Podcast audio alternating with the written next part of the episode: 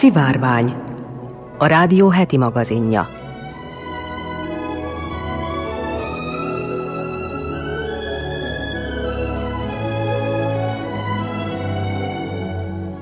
Köszöntöm a Szivárvány hallgatóit, Molnár Eleonóra vagyok, színes magazin műsorunk szerkesztője. Ez alkalommal adásunkban hallatnak arról, hogy újabb bibliai szövegeket tartalmazó tekercseket találtak egy barlangban a Holt tenger közelében. Megtudhatják azt is, hogy hol van az alvilág kapuja. Szólunk egy vajdaságban egyedül álló népszokásról, a Krisztus katonák állításáról. Elmondjuk, hogy hosszú távon a koronavírus járványnak nincs hatása a klímaváltozásra. Téma lesz az is, hogy elárverezik Winston Churchill bársony papucsát. A tulipánok földjére, a sajtok birodalmába Dancsó Csaba vezet el bennünket.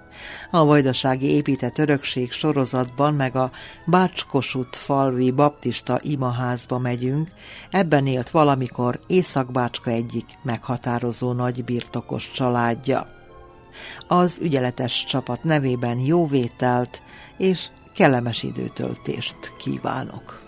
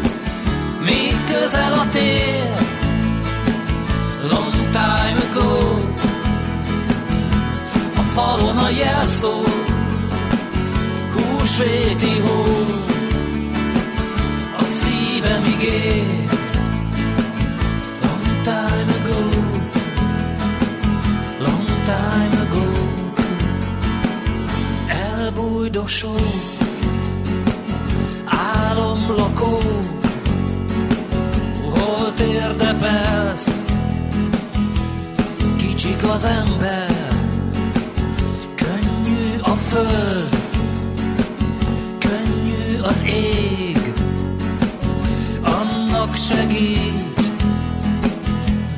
aki csodát mer, húsvéti hó, még közel a tér, long time ago, falon a jelszó, húsvéti hó, a szívem ígér.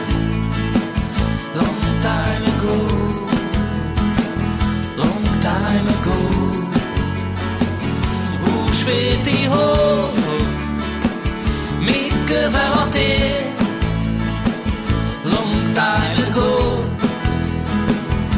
a falon a jelszó, húsvéti hó, a szívem ígér. Long time ago, long time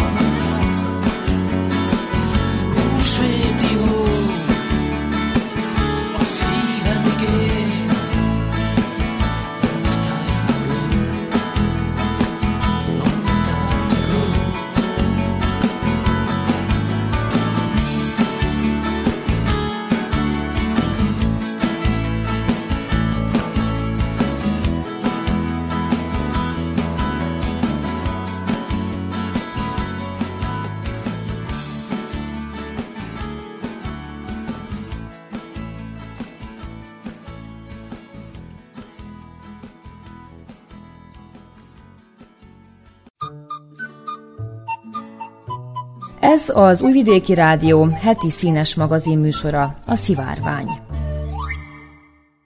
60 év után ismét bibliai szövegeket tartalmazó tekercsek maradványaira és más jelentős régészeti leletekre bukkantak a judeai sivatag barlangjaiban a Holt tenger közelében, jelentette a Jediót Aronót hírportálja. Az izraeli régészeti hatóság kutatói által feltárt egyik, több tucat apró darabkára szakadozott csak nem 2000 éves pergament tekercs Zakariás próféta könyvének egyik részletét tartalmazza. Ezeket tegyétek. Mondjatok igazat egymásnak. Hozzatok igaz és békét szerző ítéletet kapuitokban. Ne tervezzetek magatokban egymás ellen semmi rosszat, és ne szeressétek a hamis esküt. Mindezt gyűlölöm én. Így szól az Úr.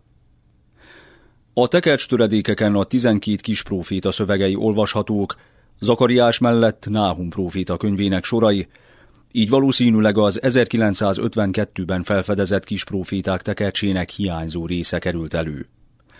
A szöveget fűként görög nyelven írták, de Isten nevét a babiloni fogság előtti korra jellemző héber betűkkel jelölték rajta. Az új szövegmaradványok a horror barlangból kerültek elő, amely arról kapta a nevét, hogy felfedezésekor az 50-es években 40 holtestet, gyermekekét, nőkét és férfiakét találták benne, akik a római birodalom elleni Bárkovbá felkelés idején halhattak meg. A pergament töredékek mellett szintén a Bárkovbá felkelés korából származó írméket is találtak, amelyek a korszak tipikus zsidó szimbólumait tartalmazzák, köztük hárfát és datójapálmát. A kutatók nyíl és dárdadarabkákat, szövetmaradványokat, szandált, még tetű elleni fésűt is találtak a valószínűleg legnagyobb, de kevés írásos forrással dokumentált zsidó lázadás idejéből. Az IAA 2017-ben nagyszabású régészeti feltárásokba kezdett a judeai sivatagban, a Holtenger nyugati partjának szikláinál, hogy megmentse az utókornak a kincseket a régiségtől vagyok elől. A szakemberek eddig 80 kilométernyi szakaszt vizsgáltak át a legmodernebb technológiákkal, többek közt drónokkal mérik fel a legnehezebben megközelíthető helyeket.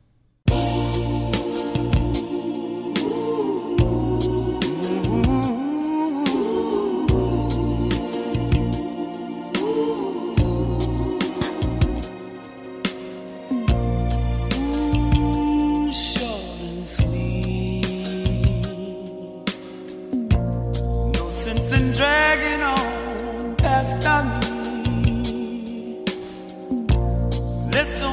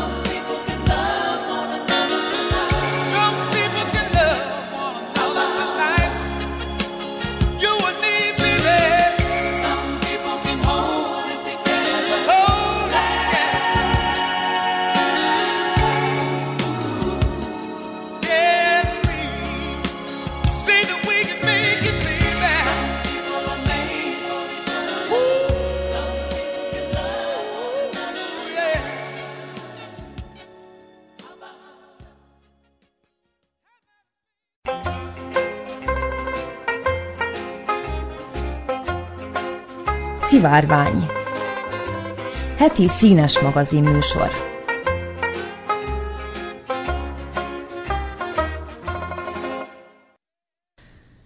Tudják-e, hol van az alvilág kapuja? Délnyugat Törökországban található a barlang, Plutó kapuja, görögül plutonion, latinul plutonium, a görög-római mitológia szerint az alvilág bejárata ez volt. A hely annyira ködös a kipárolgásoktól, hogy alig lehet tőle látni a földet. Ha egy állat belép, azonnal elpusztul tőle, írta a barlangról az ókori görög földrajz tudós Strabón. A barlang rejtélyes és egyben mérgező. Az ókori rómaiak az alvilág kapujaként emlegették a barlangot, ami nem is csoda, hiszen minden állat elpusztult, amely a közelébe ment. A rejtély viszont egyszerűen megfejthető, a barlangban vulkanikus tevékenység észlelhető, ami miatt a szellőtlen és napfénytől mentes helyen a széndiokszid koncentráció az egekbe szökik. Nappal egyébként alacsonyabb, így csak a kisebb állatokkal képes végezni, este viszont annyira magas lesz, hogy már az emberek számára is halálos. Hierapolis várost egyébként ma Pamukkale néven érdemes keresni a térképen. Plutót, aki a római mitológiában a görög Hádésznak felelt meg, az alvilág istenének tartották. A barlangot akkor találták meg a régészek, amikor a városban Hierapolis híres patakjának forrását keresték. A várost időszámításunk előtt 190 körül alapította második Eumenész pergamóni király, és időszámításunk előtt 133-ban került római fennhatóság alá, ami után óriási fejlődésen ment keresztül, templomokat és színházakat építettek a gyógyfürdőjéről ismert helyen. A kutatók két szobrot is találtak, melyek egy-egy mitológiai teremtményt ábrázolnak.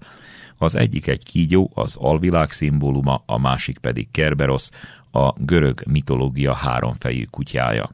Az összetekeredő kígyó úgy néz ki, mintha meg akarná támadni a barlang felé közeledőt, míg Kerberos márvány szobra 120 cm magas, és a török pásztorkutyára, a kangalra hasonlít. A régészek a szobrokat azon a helyen találták, ahol a plutónium maradványai is előkerültek. A barlang bejáratánál álló templom lépcsőjéről a hívek nézhették a szertartásokat, az arándokok nem mehettek közelebb, ez ugyanis csak a papok kiváltsága volt. A ceremónia során Plutó tiszteletére bikákat vezettek be a barlangba, majd holtan húzták ki őket onnan. Az arándokok még a késő antikvitásban is előszeretettel keresték fel a helyet, és vizet mertek a templom mellől, s a Delfoi Jósdához hasonlóan proféciákat kaptak, vagyis a kipárolgások hatására halucinációik voltak. Elképzelhető, hogy a kereszténység terjedésével párhuzamosan az 5. század folyamán a barlang bejáratát eltorlaszolták, így a pogány rítusokat többé nem tudták megtartani, de a zarándokokat ez nem tartotta vissza. A barlang a 6. századig működött, ekkor a keresztények végleg felszámolták, valószínűleg ebben az időben csúfították el a pokol kapujának két őrzőjét is, majd pedig földrengések sorozata teljesen romba döntötte a települést.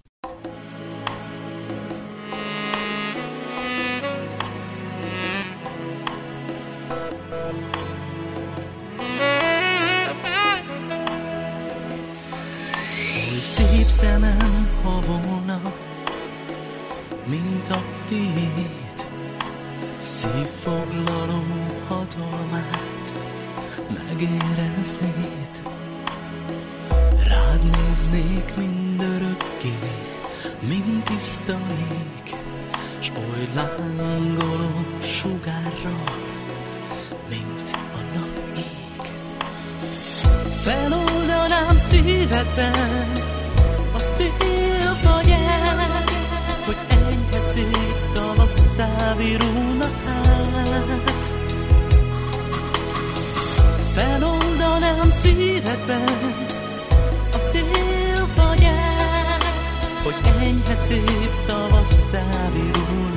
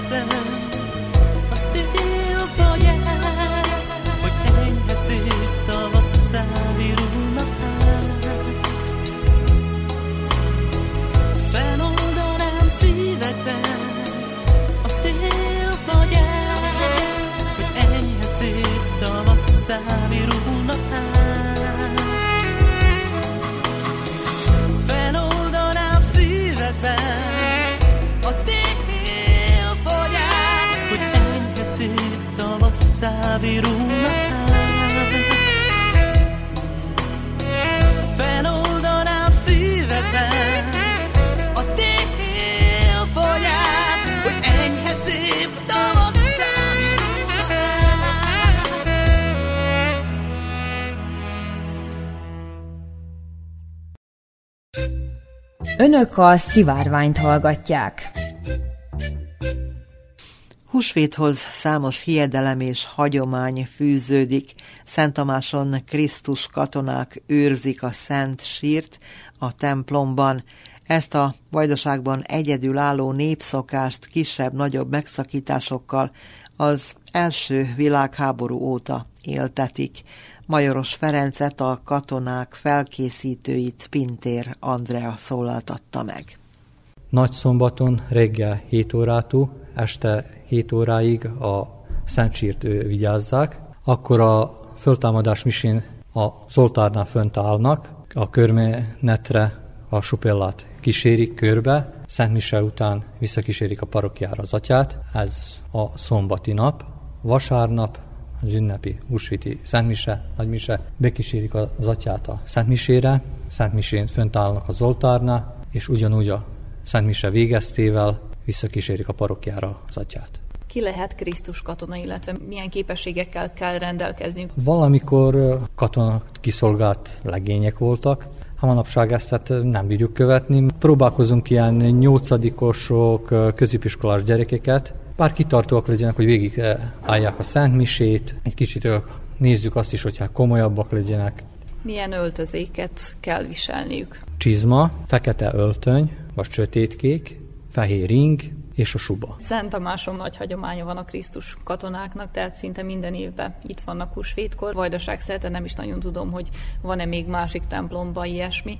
Krisztus katonák a, visszamehetünk az első világháború elé. Igaz, képekkel dokumentálni, a második világháború után bírunk, még olyasmit is hallottam, csak még a kép nem jutott el hozzám, hogy a két világháború közt is van képpel dokumentálva Krisztus katonák Szent Tamáson. A nagyszüleim, vagyis apámnak az apja, ők 1952-ben jöttek be a parokiára harangozóknak, és ez a második világháború után egy kicsit nehéz volt ilyen tradíciót, meg hát persze a templommal kapcsolatos dolgokat visszahozni, de a nép úgy emlegette, hogy hát jó volna, de senki sem mert tenni. Tatám 1955-ben titokba betanított 12 legényt. És akkor a Krisztus katonák nem nagy szombaton kezdtek a Szent Sírt, hogy őrzik, hanem nagy pénteken, mikor a Krisztus leveszik keresztről és a Szent Sírba helyezik, Szóval már nagypénteken fönt álltak a Zoltárnál, egész szombaton őrizték a sírt. A föltámadás mise éjfélkor volt, úgyhogy éjfélig kellett őrizni a sírt. Éjfél után volt a körmenet, és persze vasárnap ugyanúgy, mint most. A Krisztus katonáknak 1956-ban, ami van dokumentálva a képem, van párjuk. Kisebb-nagyobb próbálkozásokkal, aztán, hogy abba a tatám voltak Krisztus katonák, volt egy pár évig nem, akkor megint.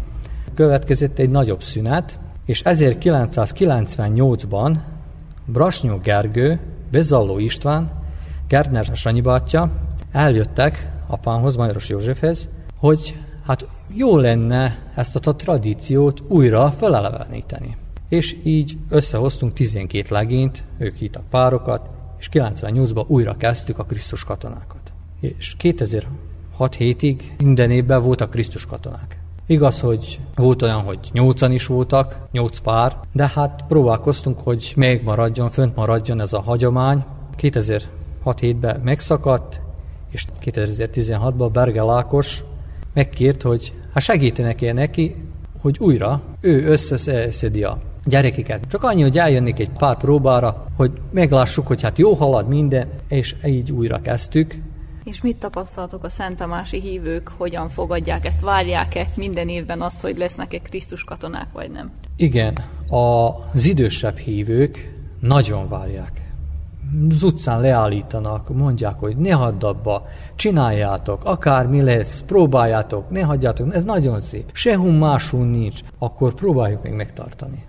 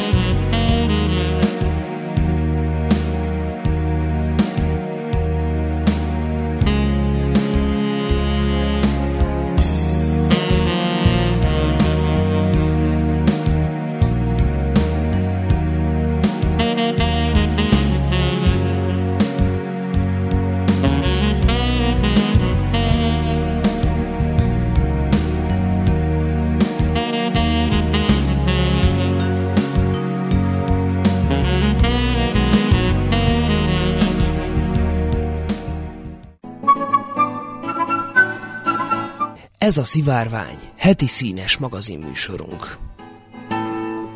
A koronavírus világjárvány megfékezésére hozott korlátozások világszerte a károsanyag kibocsátás csökkenését hozták. Hosszú távon azonban a pandémiának elég kicsi vagy kimutathatatlan a hatása a klímaváltozásra egy új kutatás szerint, írja az MTI. Ha csak rövid ideig tart a kibocsátás akár nagymértékű csökkentése, akkor valószínűleg nincs kimutatható hatása a klímára. A globális fölmelegedés mérséklésének és végső soron a világátlag hőmérséklet stabilizálásának előfeltétele, hogy évről évre folyamatosan nullára csökkenjen a nettó emisszió. Írta a Science Advances című tudományos lap pénteken megjelent számában a Kanadai Klímakutató Központ John Five vezette kutatócsoportja. A Kelet-Angliai Egyetem kutatói a globális széndiokszid kibocsátásnak a 2020-as korlátozások okozta csökkenését 2019-hez képest 7%-ra becsülték. Olvasható egy másik tanulmányban, amely a Nature Climate Change-ben jelent meg. A kibocsátott széndiokszid mennyisége 2019-hez viszonyítva 2,6 gigatonnával csökkent, így 34 gigatonna lett, ami az eddig megfigyelt legjelentősebb mérséklődés. Ezen felül a kutatók elemezték, hogyan alakultak az egyes országok kibocsátásai a 2015-ös Párizsi klímacsúcs óta. A Párizsi klímacsúcson szinte az összes állam abban egyezett meg, hogy a fölmelegedést az ipari forradalom előtti átlaghőmérséklethez képest 2 Celsius fok alatt tartják, lehetőleg 1,5 fokban maximálják. A vizsgált országok közül a nagy átlagjövedelműekben 2015 és 2019 között átlagosan évente 0,8%-kal csökkent a kibocsátás, 2020-ban a világjárvány miatti korlátozások idején 9%-kal. Hasonló volt a helyzet a magas közepes átlagjövedelmű országokban, itt azonban a 2020-as kibocsátás csak 5%-kal mérséklődött. Az alacsony jövedelmű országokban 2015 és 2019 között 4,5%-kal, 2020-ban 9%-kal esett vissza a kibocsátás. A brit kutatók szerint a párizsi klímacél eléréséért évente globálisan 1-2 gigatonnával kellene csökkenteni az emissziót az évszázad végéig. Kanadai kollégáikhoz hasonlóan ők is hangsúlyozták, hogy a világjárvány miatti átmeneti emisszió csökkenésnek szinte semmilyen hosszú távú hatása nem lesz a klímaváltozásra. Önök az Újvidéki Rádió szivárványát hallgatják.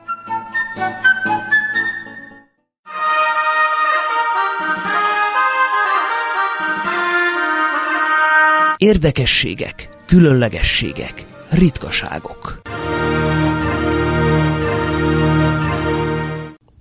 A becslések szerint akár a 15 ezer font leütési árat is elérheti Winston Churchill egy pár bársonyból készült papucsa, amelyet most árvereznek el Nagy-Britanniában. Az egykori brit miniszterelnök monogramjával díszített lábbeli az 1950-es években készült, írja a BBC News.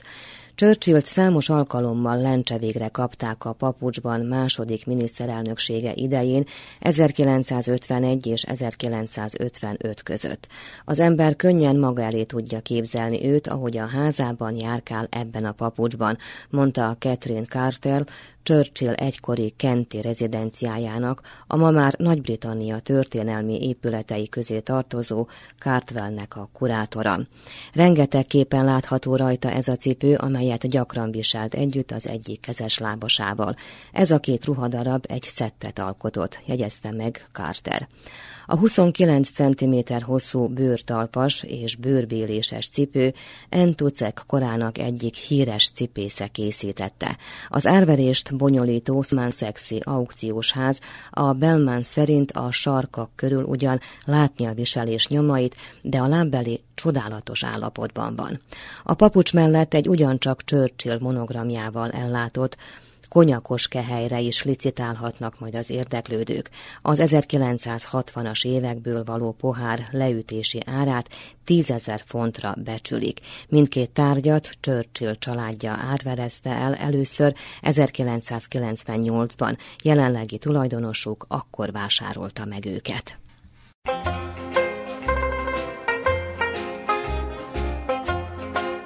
Szivárvány heti színes magazin műsor.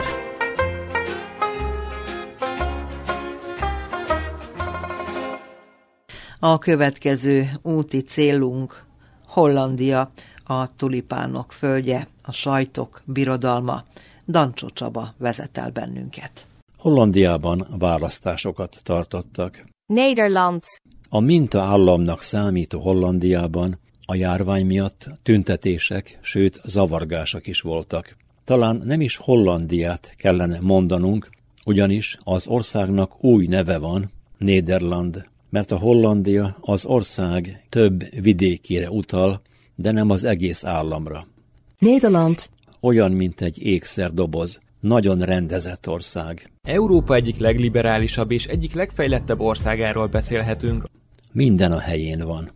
Hollandia, neverovatna zemlja. Mivel magyarázható Hollandia gazdagsága? Ismeretes, hogy Hollandia annak idején intenzív és sikeres gyarmatosításba kezdett.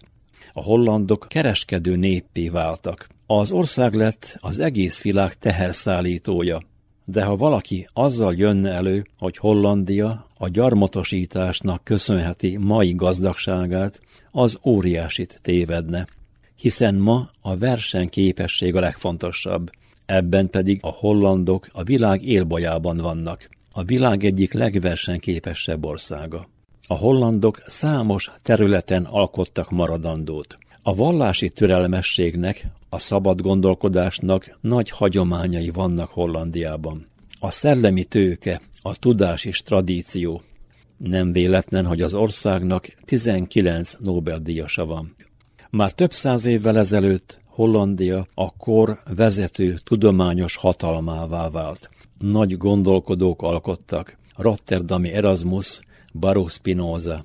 A kitűnő iskolarendszer is nagy hagyományú. Nem elírás, a Leideni Egyetemet még 1575-ben alapították, a Groningenit 1634-ben. Közoktatása már akkor messze felülmúlta a többi országét.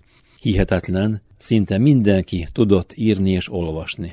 Bizonyára sokan megcsodálták a holland festők alkotásait. Rembrandt, Van Eyck, Jan Vermeer, Delft, Van Gogh, Rubens. Itt azt is észre kell venni, hogy azokon látszik, már akkor létrejött a polgárság. Több száz évvel megelőzték Európa fejletlenebb részeit. Hollandia ismert a roppant fejlett agrárról agrosektoru u Holandiji. Kao jedan od najjačih i najinovativnijih na celom svetu, Az Egyesült Államok után a második legnagyobb mezőgazdasági exportőr. Nederland is een supermacht als het gaat om de export van landbouwproducten. Mekkora tétellel? Groeide de landbouwexport met bijna 5% naar 94,5 miljard euro. Agrár kivitelének értéke mintegy 94,5 milliárd euró, ami 110 valahány milliárd dollárnak felel meg. Érdemes, vagy talán nem érdemes összehasonlítani a miénkkel, mert agrárexportunk évi értéke olyan 4,5 milliárd dollár körüli. Nederland. És ha csak az élelmiszeriparát nézzük, utolérte Amerikát. Hogyan lehetséges, hogy aránylag kis területen 20 valahányszor nagyobb agrár értéket állít elő, mint Szerbia? A kicsi termőföld kikényszerítette a technológia állandó fejlesztését. Nem véletlenül beszélnek holland mezőgazdasági csodáról. Mit csinálnak olyan jól? Miért olyan hatékony a holland mezőgazdaság, bár Hollandia háromszor kisebb, mint Magyarország, de mégis a mezőgazdaságban előállított értékek, azok háromszor nagyobbak, az exportjuk is tízszer akkora. Mi az, amit ők másképp csinálnak, mi az, amiben ők hatékonyabbak, mi az, amiben ők ügyesebbek. Meg lehet kérdezni őket. Jelenleg az a helyzet, hogy a holland gazdák átlagban évi 80 valahány ezer euró értéket állítanak elő, miközben a többi uniós országban ez a szám 20-30 ezer euró, Közép-Európa és a Balkán pedig még messzebb van ettől a szintől. A tej és sajt exportjában Hollandia világelső. Az ottani farmerek évente összesen mintegy 630 millió kilogramm sajtot állítanak elő. Sva ova hrana proizvodi po najsavremenijim svetskim standardima. A tudomány és a piac hatékonyan épül egymásra. In de nieuwste technieken voor hun bedrijf. Maar al die apparaten en technieken zijn... Precíziós gazdálkodás folyik egyre inkább, szenzorok, műholdak, drónok segítségével. Rájöttek arra, hogy az üvegházi termesztés a szabadföldihez viszonyítva 40-szer kevesebb vizet igényel.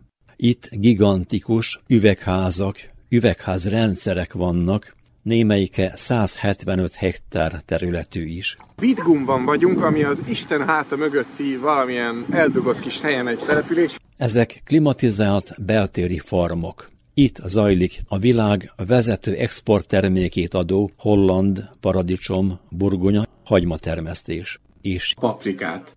Ilyen egy holland üvegház belülről, ahol paprikákat termesztenek ameddig a szem ellát paprikák. Egyébként ők 30 kg paprikát termelnek négyzetméterenként, és ez azt jelenti, hogy ezen a 11 hektáros területen összesen 30 ezer tonna paprikát termesztenek egy évben. Az üvegház számítógépes vezérlésű.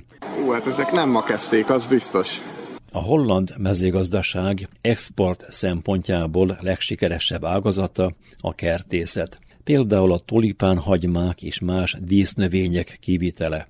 Persze a holland húsexport is jelentős.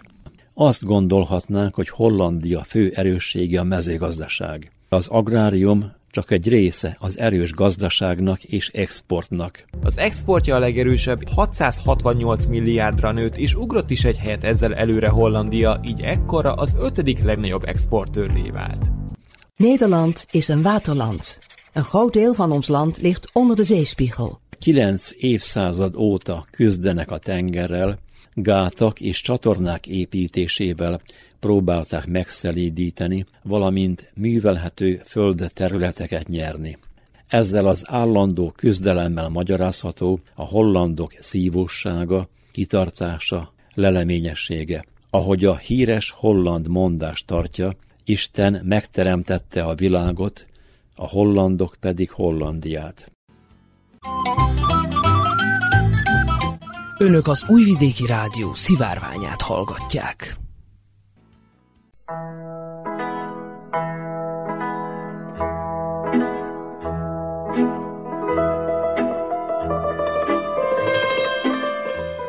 Vajdaság kuriózumai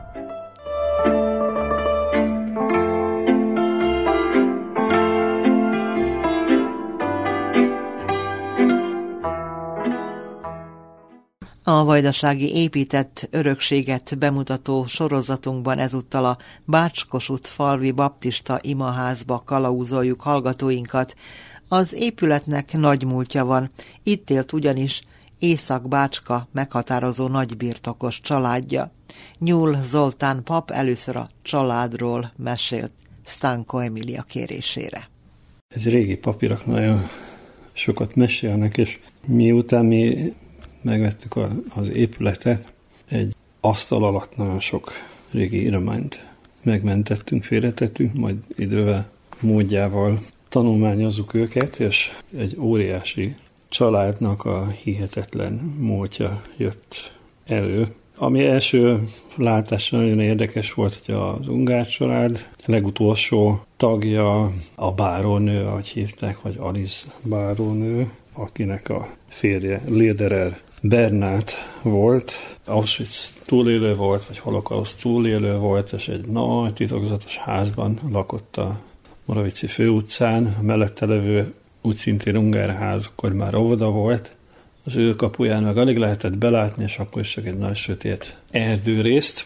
Hát ez kiderült, hogy arboréton volt annak idején, és amikor bementünk, hát ahogy a, az udvar és dzsungelszerű volt, ugyanúgy az iratok közt is sok minden volt. Nekünk történelmi tanárnak nagyon érdekes volt, hogy újságokat találtunk, parimácsot az 50-es évekből, az a párizsi, ugye, Müncheni újságokat találtunk abból az időkből.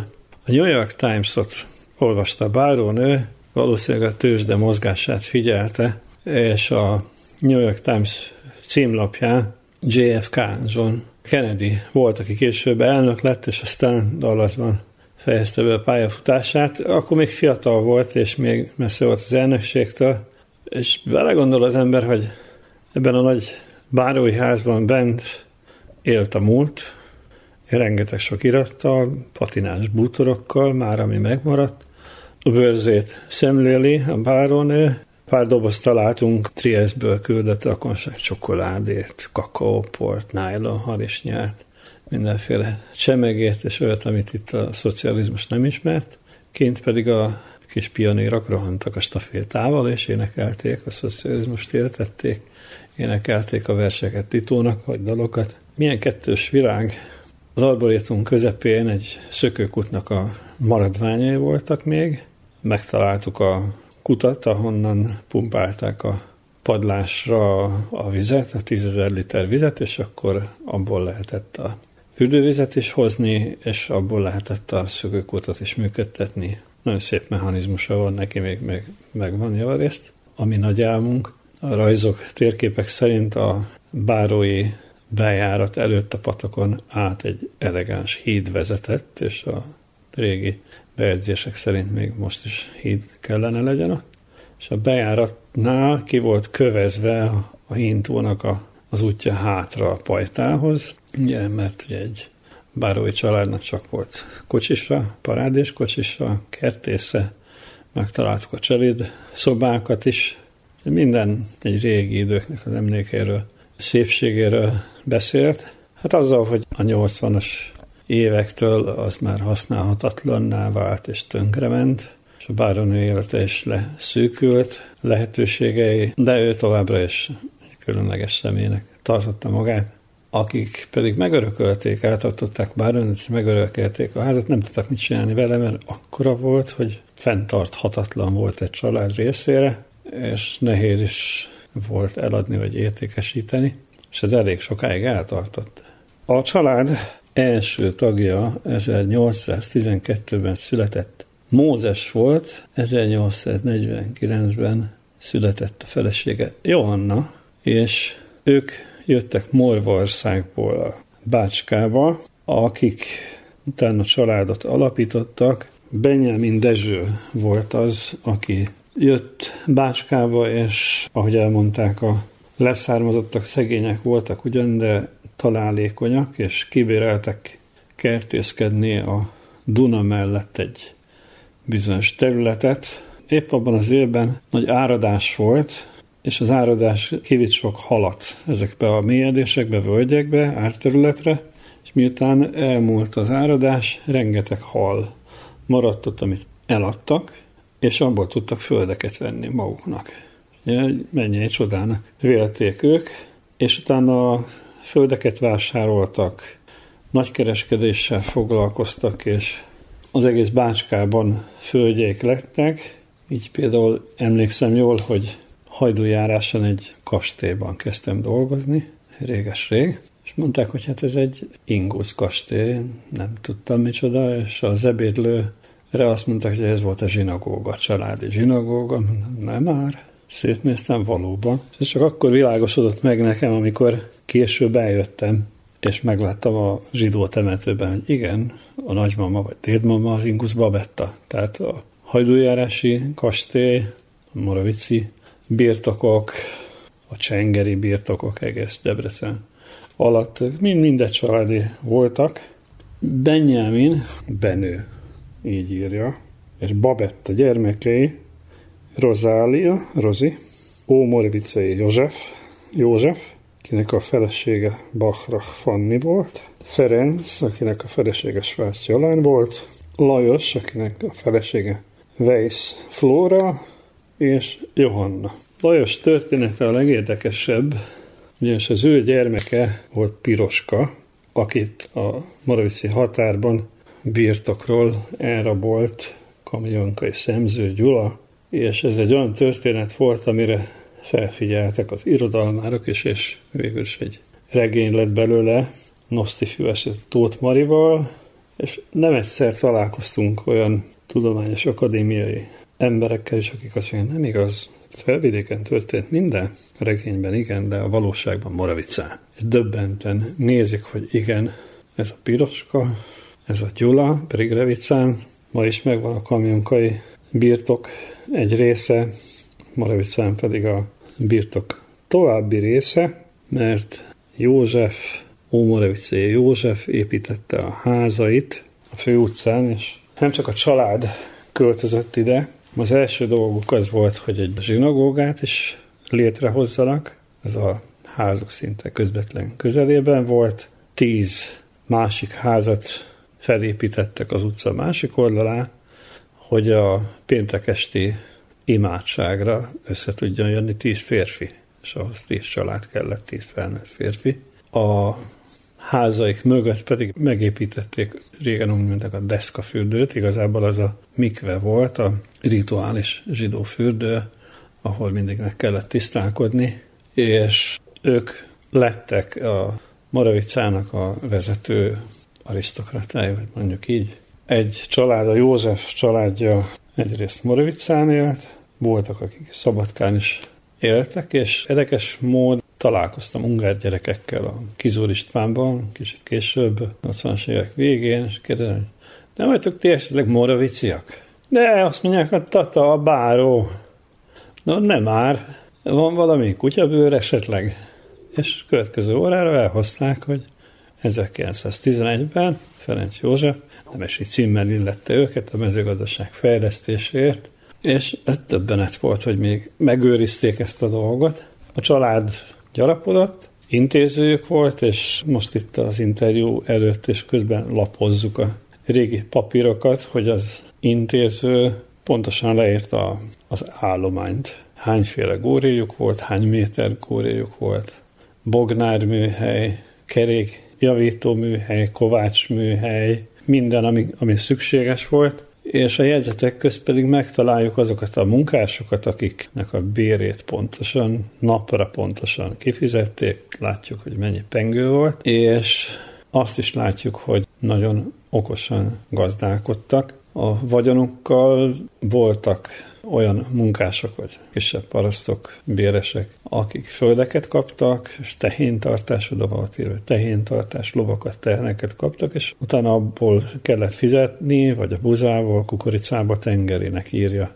az akkori szóhasználat szerint. És a család gyarapodott, amikor mi a régi írásokat megtaláltuk, akkor azt is megláttuk, hogy a falakon szegek, és a szegek alatt, mintha festmények nyomai lettek volna. Hála Istennek Szabadkán nem csak szegeket találtunk, hanem teljes bútorzatot, és Feszti Árpád által jegyzett a Nemzeti Képzőművészeti múzeum által ellenjegyzett igazolással, hogy igen, ez Feszti Árpád eredeti festménye. Ilyeneket is találtunk, és, és találkozhattunk azzal a gazdagsággal, ami a századfordulón jelen volt ebben a családban. Szecessziós bútorok, szőnyegek, fali szőnyegek, és az volt a jó, hogy a, a család, miután elköltöztek Kanadába, nem akarta el kótyavesélni a szabadkai bútorzatot, hanem a Magyar Nemzeti Múzeum eljött, felbecsülte a bútorzatot és a bejárati kilinstől a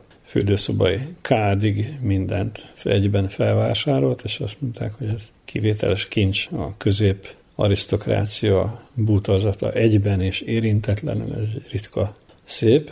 Moravici családnak már nem ez a sorsa volt. Liederer Bernát és Aliz bárónő egyirányú vonatjegyet kapott Auschwitzbe, mint hogy az összes többi moravicai zsidó, és ez nekem is új, miután elmentek a helyi, akkori magyar vezetés begyűjtötte a zsidó családok vagyonát, az akkori színház termet telerakták vele, és úgynevezett zsidóvásárt tartottak, tehát amit a zsidóktól elvettek, azt minden család vihette, és páran jöttek, és mondták, hogy hát mi is kaptunk ajándékot a zsidóktól, ez kicsit keserédes nekem, mert nem kapták. Más vagyonát vitték el, nem lopás, részvétel egy, egy bűncselekményben. Mire visszaért báró és a bárónő szinte üres házat találtak, hogy nagyon keveset tartottak meg a, a házból és abból a vagyonból, ami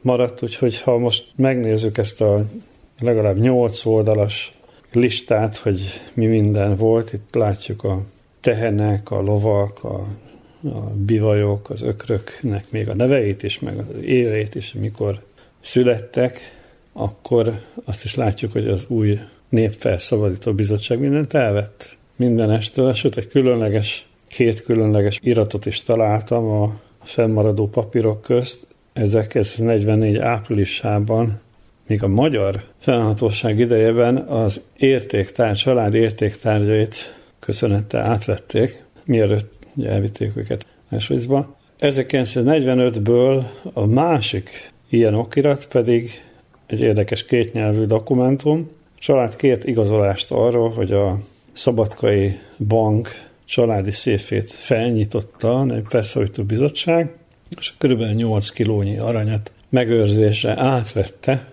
és oda írva alá halál a fasizmusra, szabadság a népnek. Hát a zsidók ebben az esetben, a család esetében ők a áldozatai lettek mind a két rendszernek. A magyar rendszernek is, és a új szocialista rendszernek is. Úgyhogy a ház szépsége és fénykora elmúlt, de, de a méltóság az megmaradt. Talán ezért is esett a választásunk erre az épületre, hogy igen, ez itt, itt szép lenne egy közösségi hely, egy közösségi munkára, és amikor nézegetjük ezeket a régi írásokat, vagy a nyomait ennek, akkor azt mondjuk, igen, itt, itt van egy komoly történet, van egy hatalmas család, Menet közben ugye a Maravici házat igyekeztünk úgy felújítani, hogy a külseje teljesen eredeti alakzatát vegye föl, és ebben egy szegedi épületszobrász segített. A belső szerkezetileg egységben maradt, és bántatlan maradt, és a felújításban, ahol csak lehetett, igyekeztünk megőrizni a eredeti kinézetet, ami természetesen nem tökéletes.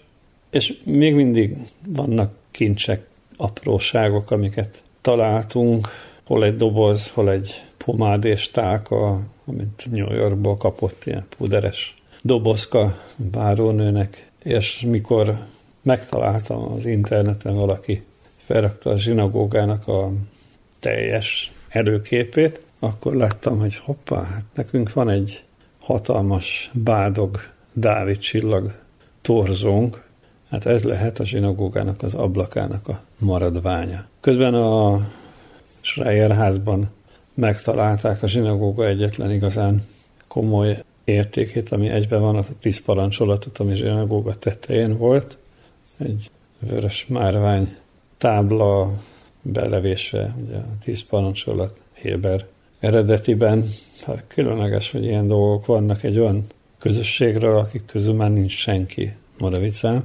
Történetük az meghatározó volt annak idején, sok családot segítettek.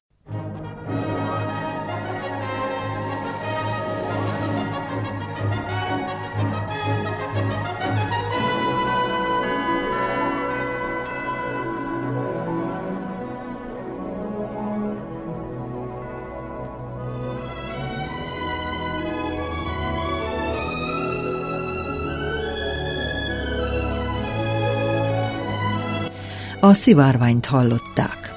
Heti színes magazin műsorunkkal egy hét múlva jelentkezünk ismét. Az ügyeletes csapat nevében Molnár Eleonóra köszöni figyelmüket. Kellemes hétvégét kívánok!